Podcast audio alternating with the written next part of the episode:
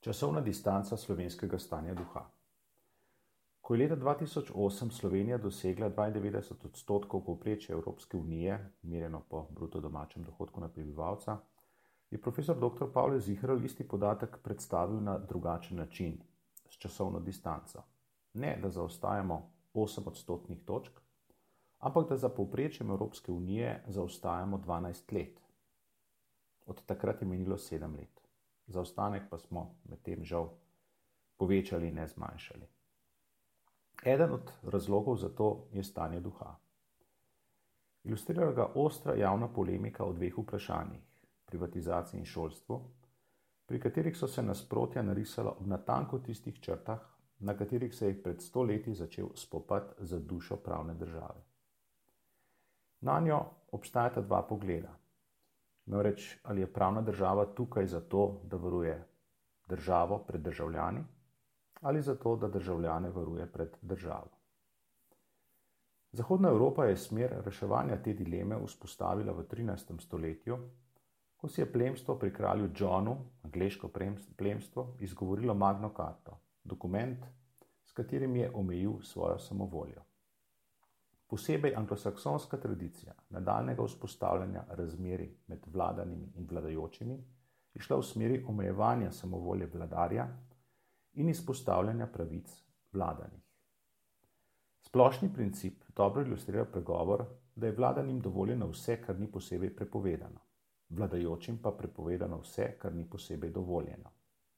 V avtoritarnih režimih je bilo ravno obratno. Podložniki so smeli samo tisto, kar je bilo posebej dovoljeno. Vladarjem pa je bilo dovoljeno vse. Na začetku so dokumenti urejali razmerja med ljudmi, torej med osebami, med civilnimi državljani in tistimi, ki jim vladajo ali so podaljšana roka slednjih, torej sodniki, orožniki, vojaki. Medtem se je rodilo še nekaj takega, kot je pravna oseba, torej firma, organizacija, inštitucija. Tudi med temi so na eni strani zasebne in na drugi državne. Svobodoljubni princip urejanja odnosov med pravnimi osebami je bil enak kot pri urejanju odnosov med fizičnimi osebami. Kot so družbene pogodbe fizične osebe varovale pred samovoljo uradnih oseb oziroma države, so bile zasebne inštitucije zavarovane pred državnimi. Na tem mestu je morda zanimiv medklic v ločitvi crkve od države. Cerkev je bila ena prvih inštitucij, ki se je ponekod že pred več kot tisočletjem znebila vmešavanja države vase in si vzela pravico, da sama imenuje škofe, ne pa da se v to vtika država. Od tukaj izhaja ta koncept ločitve cerkve od države. Kasneje se pojavi težnja potem, da se cerkev ne vmešava v državne zadeve. V naših krajih smo 45 let živeli v sistemu, ki mu je bilo dovoljeno vse državljanom pa je bilo vse prepovedano, razen kar jim je bilo posebej dovoljeno. In teh 45 let je prišlo na nekaj stoletij kontinentalne tradicije razmeri med vladajočimi in vladanimi.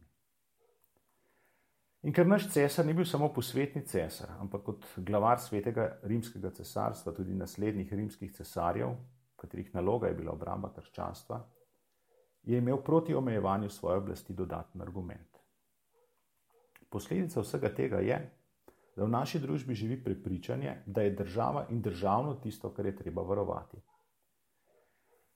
Kar naj bi pravna država, politika, sistem zaščitila pred državljani ali zasebnimi inštitucijami. In zato je minister Gabr v zakonu o financiranju vzgoje in izobraževanja zapisal člen, ki državne šole ščiti pred zasebnimi, ki državne pravne osebe varuje pred zasebnimi namesto da bi bilo obratno.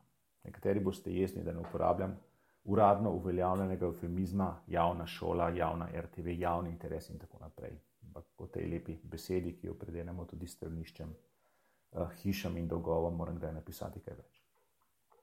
Pravzaprav zakon, stari zakon, državne šole varuje na dva načina. Najprej tako, da zasebne izvajalce uradnih šolskih programov financira samo 85 odstotkov, odstotno, stroške prostorov pa sploh ne. In potem še tako, da zasebnega ponudnika uradnega programa sploh ne sme biti, če bi zato državna šola postala nepotrebna. Zakon varuje kralja, torej državo, pred podložniki oziroma zasebniki. In to pri dejavnosti, za katero nimamo nobenih dokazov, da jo more kvalificirano izvajati samo državna ustanova.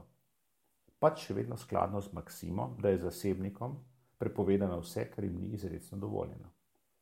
In izredno dovolil je tudi Gabrov zakon, to moramo priznati kar nekaj. Za tiste čase je bil zakon pravzaprav pluralen in strpen. Vprašanje, ki izhaja iz evropske demokratične tradicije, ni, ali je primerno, da se država neha ukvarjati s ponudbo telefoniranja. Zdaj govorimo namreč o privatizaciji. Breme argumentacije bi bilo na drugi strani. Zakaj je neobhodno potrebno, da se država ukvarja s storitvijo telefoniranja?